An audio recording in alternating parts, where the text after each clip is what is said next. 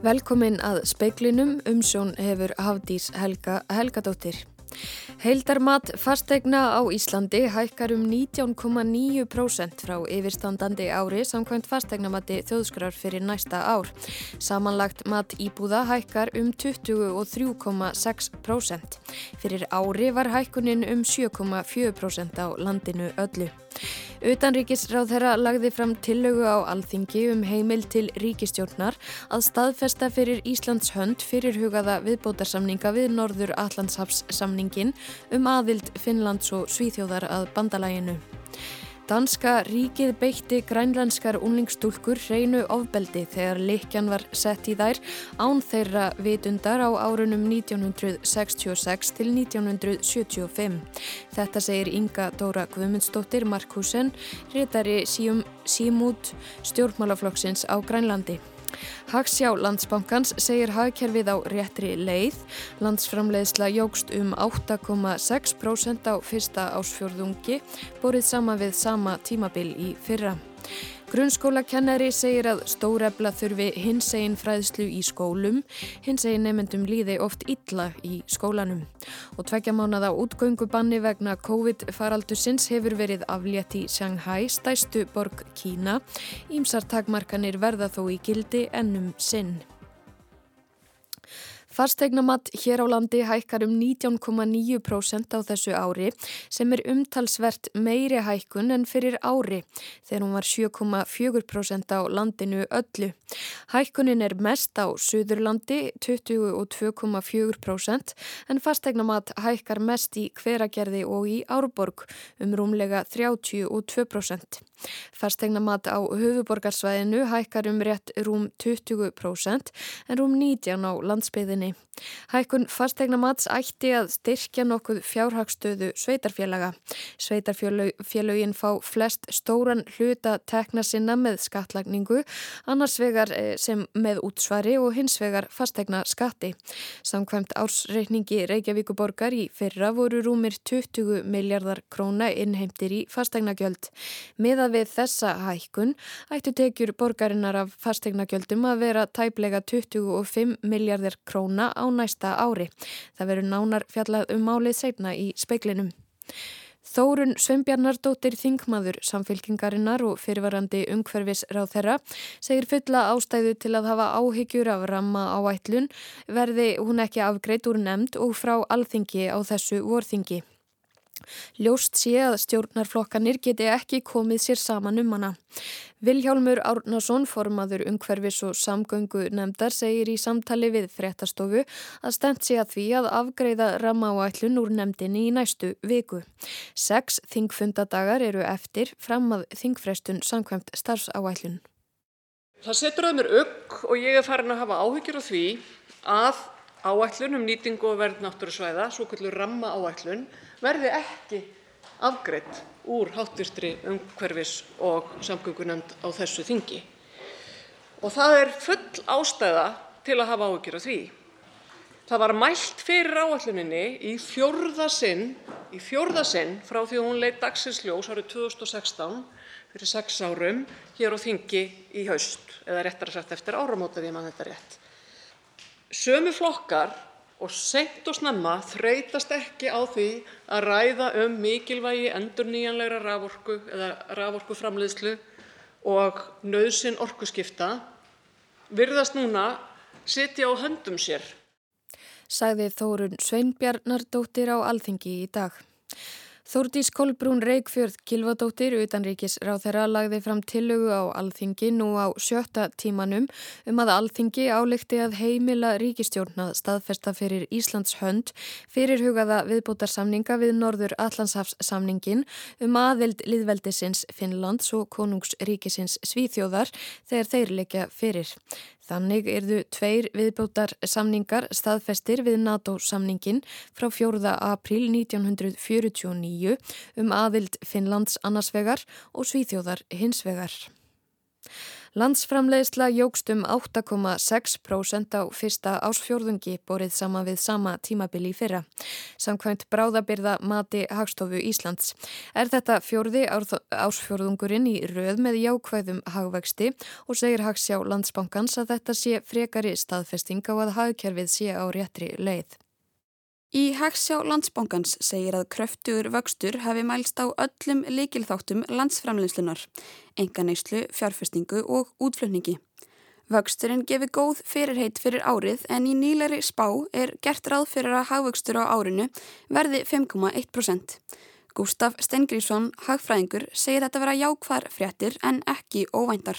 Þetta er rauninni bara svona framhald af því sem að hefur verið að gerast. Þetta er eiginlega svolítið svona samsetningin á hagveistunum núna á fyrsta fjórungi er bara svolítið svo sama hún var á síðustu þrejum fjórungum ársins, eða síðast árs, að segja. Þannig að hérna, þetta er rauninni bara svolítið saga, sama sagan sem er hann í gangi og verið hefur.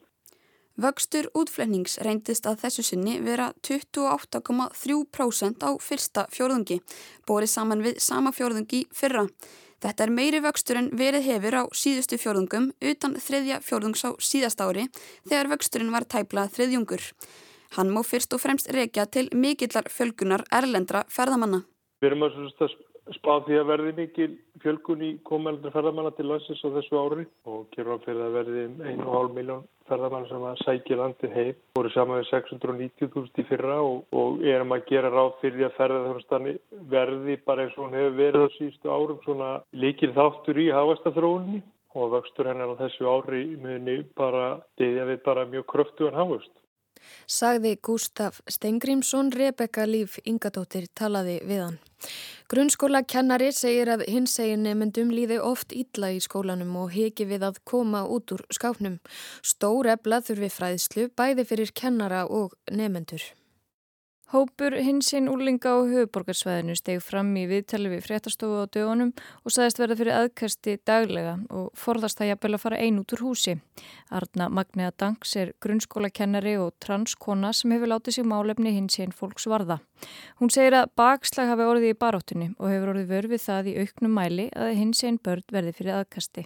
Og þegar börnum líður ítla í skólanum þá fer að bera vott á skólaforðun þau hægt að mæta, þeim verður að vera illt í maganum og við erum að sjá svona fleiri tilfelli eh, að eh, veikitadaga hjá hins einn ungmennum. Arna Magnar segir að hins einn fræðsla sé víða af skortnum skamti í grunnskólum. Nauðsynlegt sé að stór ebla fræðslu bæði fyrir nefndur og kennara. Það þarf að búa til pláss fyrir þetta. Þú veist það er ekki hægt að endalus bæta við bara starfræðikennslu og íslensku kennslu að því að, að við erum að horfa í einhverja písakannanir ef að börnunum einhver líður ítla þá læra þau bara ekki neitt. Sæði Arna Magnea Danks, Solveig Klara Ragnarstóttir talaði við hana. Íbúar Shanghai, stærstu borgar Kína, fá í dag að fara að mestu leiti frjálsir ferða sinna eftir útgangubann af, af völdum COVID-19 síðastliðna tvo mánuði. Nokkur hundru þúsund eru þó enn heima í sótkví. Útgangubanninu í Shanghai var aflétt á miðnætti þegar klukkan var fjögur síðdegis að íslenskum tíma. Stefnastjórnvalda er þó óbreytt. Allt skal gert til að halda koronavirunni frá landsmannum sem þýðir að þeir sem smitast verða að fara í sóttkví eða leggjast inn á sjúkrahús. Um 650.000 borgarbúar verða enn að halda sig heima. Ínsinn, talsmaður yfirvalda í Shanghai, sagði þegar hún tilkynnti að útgöngubanninu hefði verið aflétt að loksins væri komið að því sem borgarbúað hefðu þráð lengi. Allir hefðu þurft að færa fórnir og nú væri komið að því að gæta þess að dreifing veirunar færi ekki í sama farið aftur. Síðustu mánuður hafa reynd mjög á flesta íbúa Shanghai. Margir hafa mist tekjur, fólki hefur reynst erfitt að verða sér út um lífsviðurværi og þá hefur einangrunnin reynst mörgum erfið andlega. Áætlað er að almenningssamgöngur komist í sitt fyrra horf frá morgundeginum. Þá verða verslanir reytni opnaðar. Kvikmyndahús og sapn verða áfram lokuð svo og líkamsræktarstöðvar. Fólk þarf að geta sannað með sérstokum kóða í símum sínum að það sé laust við smitt þegar það fer að heimann. Í böngum, verslunarmiðstöðvum og víðar þarf að sína neikvætti PCR-próf sem ekki má vera eldra en þryggja sólaringa gamalt. Þeir sem ferðast út fyrir borgarmörkin þurfa að fara í sóttkví í eina til tvær vikur þegar þeir snúa tilbaka. Áskeir Tómasson sagði frá. Blíðskapar veður hefur verið á Norðurlandi og víðar síðustu daga. Dagurinn í dag er engin undantekning og í meðbæ Akureyrar yðar allt af lífi. Amanda Guðrún Bjarnadóttir fór og tók púlsinn á vegfærendum. Hvert er erindi ykkar hér á Akureyri? Við erum bara í fríi, elda sólina. Og hvernig leggst þá veðrið í ykkur sem er búið að vera hérna þess aðan og í dag? Uff, á, þetta er bara, þetta er búið að vera algjör draumur, sko. Við erum búin að vera hérna í hvað, þrjá, fjóra daga og þetta er búið að vera bara geggja viður alla tíman.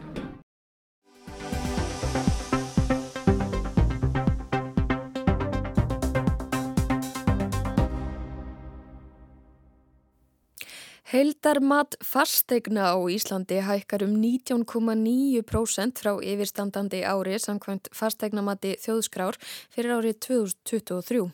Samanlagt mat íbúða hækkar um 23,6%. Þetta er umtalsvert meiri hækkun en tilkynnt varum fyrir ári síðan þegar að fastegnamat hækkað um 7,4% á landinu öllu. Fólk virðist hafa hlaupið til að aðtuga með nýja fastegnamatið því að áhugin var slík ykkur að vefur þjóðskrár réðir hinnlega ekki við álægið og, og margir hafa ekki enþá getað aðtugað með þetta nýja fastegna mat. Eh, hingað er komin Kári S. Fridriksson sem er hagfræðingur hjá Húsnæðis og mannvirkjastofnun aðeins til þess að ræða þessi mál í, í velkomningað. Takk fyrir að taka um mótið mér. Svona í grunninn ef við byrjum bara alveg á byrjun á hverju byggir fastegna mat?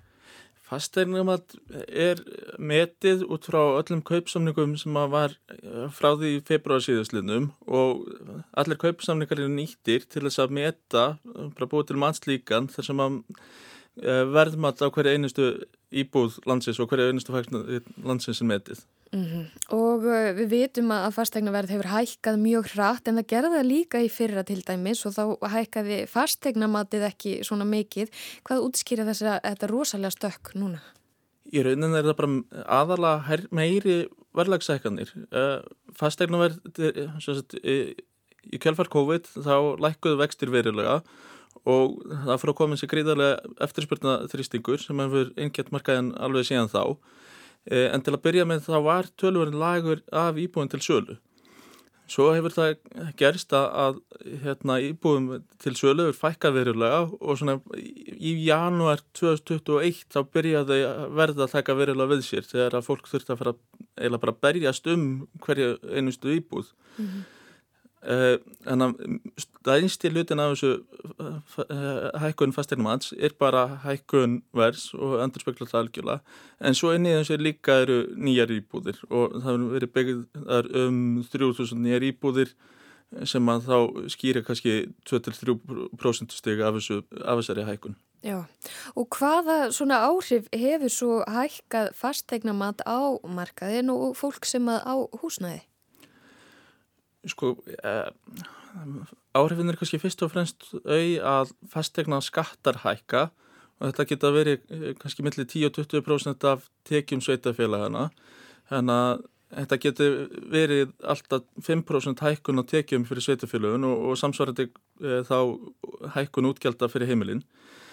E, en svo getur þetta líka haft ákveðin áhrif á fastegnamarkaðin að því að fólk getur núna farið til bankana og fengið uh, mögulega meira lána sveigurum. Mm -hmm. Sérstaklega vegna þess að, að já, þú getur fengið hærra lán ef að fastaknamatið er hærra eða hvað? Já, það passar. Þannig að bankarnir miða oft uh, lánin hlutullin við uh, fastaknamatið. Mm -hmm. Myndur þú segja að það hafi verið komin skekkja á milli raunvers og fastaknavers á markaðinu? Uh, ég veit kannski ekki hvort ég myndi kalla það skekkju en það sem hefur gerst er bara að uh, við hefum verið núna í tvö ári umhverfið þar sem vextir er mjög lágir. Uh, þannig að lengst framan af þá var greiðslubyrði við að kaupa íbúð lærri heldur nú var til dæmis 2018 það er bara rétt núna á senstu tveimur mánuðum þar sem verðið er búið að hækka það mikið að greiðslubyrðin við að kaupa íbúð orðin herrunum var. Mm -hmm. Þannig að það er bara uh, gríðalur áhrif sem að sér stýrivægstaðarleikanir höfðu en núna eru þær farnar að ganga tilbaka og þá gætu við fyrir að sjá að hægast á markanum. Heldur þetta geti átt einhver þátt í að svona réttan af, svo má segja? Eh, já, ég held það. Bæði held ég að fasteignaverð sé búið að hækka það mikið að það er kannski bara ákveð mikið sem getur hækkað áður en að fólk eh, hættir að efna að kaupa íbúð og svo núna með stýrivægsta hækkunum þá er hækkargræslubörðin sem hefur líka áhrif á, á getur fólks. En hins vegar eru verðtriður vextir eh, tölvert lágir núna Þannig að það líka gæti gerst að fólk færi bara aftur að fjármagna með verðurriðulánum. Þannig að það verður alltaf áhugast að sjá hvernig mun spilast. Mm -hmm. Við séum rosalega mikið mun á milli landsvæða, eh, 38,9% íbúðamat, eh, hækkun á íbúðamat í Árborg og hver að gera spæ um 36,6%. En aftur á móti í Dalvíkur beigðu til dæmi 6,2%. Þetta bara endur speklar eftirspurn eða hvað? Þetta endur speklar að langt mestu leiti eftirspurn en svo eftir því sem að, að svæðir er minni sem mun uh, erfiðara er að fá nákvæmt uh, fasteinumat uh, og það eru kannski fáir samningar bakvið matin á þeim.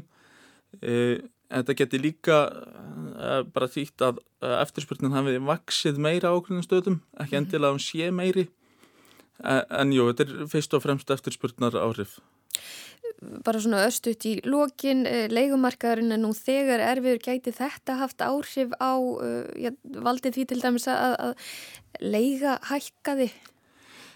Það gæti alveg gert það en uh, leiga sem hlutfallar fastinnaferði hefur aldrei verið uh, jafn lágt, allavega ekki jafn langt og mælingar ná en ég hugsa stýrivegstir og fjármakskostnaður muni hafa meirum það að segja Mm -hmm. en bæði út af uh, þess, uh, þessum hérna, fasteinmatshækunum kostnaði við það og svo herri fjármangskostnaði þá gætu við fara að sjá hækandi leiguverð það fara að ná kannski ekki alveg að ná fasteinumverði en, en það fara að koma þrýstingur þar Einmitt. Sjáum hvernig það fer Kári S. Freiriksson hagfræðingur hjá Húsnæðis og mannvirkjastofnun Takk fyrir komuna í speilin Takk fyrir mig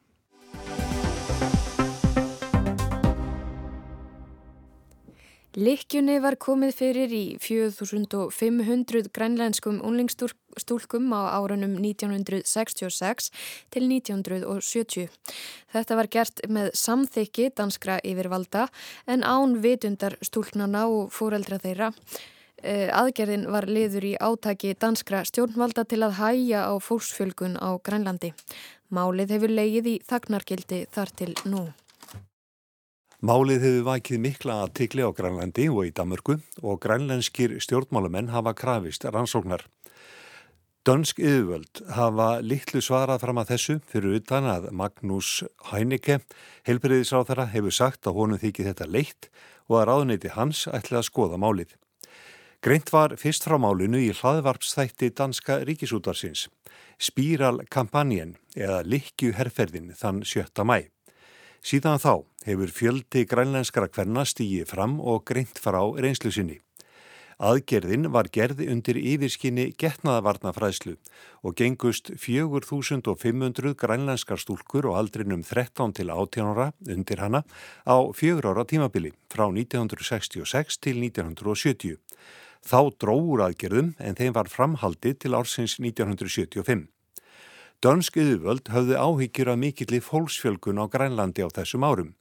Um 1500 börn fættust árlega, þar að fættu einstæðarmæður á úlingsaldri um 500 börn. Dönsk yðurvöld greipu til þessa ráðs að koma fyrir likju í úlingstúlkum en likja er játnan ekki nótuð sem getnaða börn hjá konum sem ekki hafa fætt börn áður. Fæðingum fækkaði niður í 900 til 1000 ári upp úr 1970. Inga Dóra Guðmundsdóttir Markusen í Núk er rítari grænlenska stjórnmálarflokksins síumút og hefur fylst vel með umræðinni að undanförnu. Þetta var sérstaklega grænlenska stelpur, ungar konur, án vittninsku fóraldrana, 13-14 gamla stelpur, voru sendir úr bekknum til hjúkuruna konar í skólanum þar sem þetta var svo sett inn í leikungin. Á símabilinu voru þarna 9.000 frjóar stúlkur og konur af öllum konum sem voru um þessum aldrei tímabili þá voru settið 4500 leikjur og þetta hefur haft það rosalar afleðingar að það dró alveg úr fólksfölguminni bara merkilega mikið. Konurnar sem stíið hafa fram að undanförnum hafa sagt að þær hafi ekki vitað að leikjunni hefði verið komið fyrir. Þær hefði einungis haldi að þær hefði verið í skoðun. Margar lýsa miklum líkamlegum og andlegum þrautum sem þær hafi þurft að lifa við alla tíð.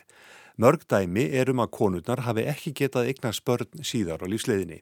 Og við sjáum það núna, þetta eru konur sem hér urðu undir ábelgi. Þetta er keinlega ábelgi og maður var með pólitík gegnum likjuna. Likjupólitíkin myndir maður geta kallað. Og þetta er mjög, mjög merkilegt mál sem að ég veit núna mun fara yfir landsteinana. Þetta getur orðið starra mál en það er núna og umheimurinn verður líka að vita að þetta er ekki bara í Grænlandi sem að svona pólitík hefur verið falin, heldur líka í Kanada sem innvítarnir eru líka að upplega álíka pólitík. Lýsingar þeirra kvenna sem stíið hafa fram eftir að likjunheiksli var ofinberað fyrir þessum mánuði eru átakanlegar. Arna Núkak Pólsen var 15 ára árið 1974 og var í heimaaustaskóla fyrir grænlenskar stúlkur á Borgundarholmi. Á þeim tíma hafði hún ekki haft neina reynslu af kynlífi. Hún segir í samtali við grænlenska útvarpið KNR að hún og skólasýstur hennar hafi verið bóðar í lækniskóðun. Hún vissi ekki hvers vegna þær þurfti að færi skoðun en lækninin kom fyrir likju í móðurkvið hennar án hennar vitundar. Hún skinjaði eitthvað kaltinn í líkama sínum, fann fljótlega fyrir kviðverkjum en skildi ekki hvað alliðum. Hún flutti fljótlega heim til Grænlands og það var ekki fyrir mörgum árum síðar sem likjan var fjarlægð. Likja sem hún vissi ekki að hún væri með. Hún vildi eigna spörn en fekk þann úrskurð að það gæti hún ekki, annar ekkjastokkurinn væri ónýtur.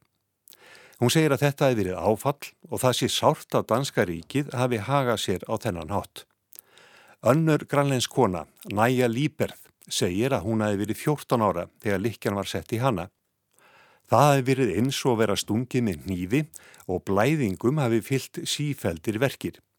Næja Líberð skefur ekkert af því þegar hún segir að Danska ríkið hafi afmegað hana og inngripið hafi þjaka hana allt hennar líf.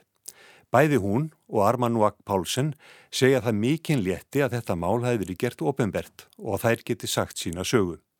Inga Dóra Guðmundsdóttir Markusen segir að málið eigi eftir að vinda enn frekar upp á sig og ímislegt óþægilegt eigi eftir að koma í ljós.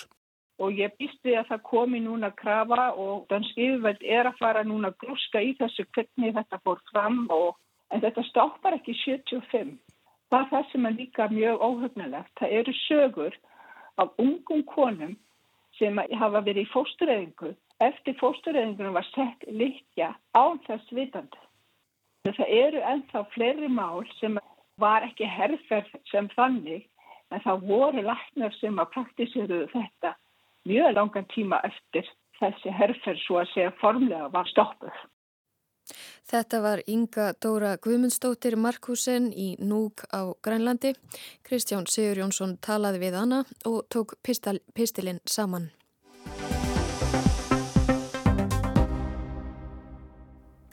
Á tímum pestarinnar var bóðið upp á örfunar spröytur fyrir mannfólkið og örfunar pakka fyrir atunulífið.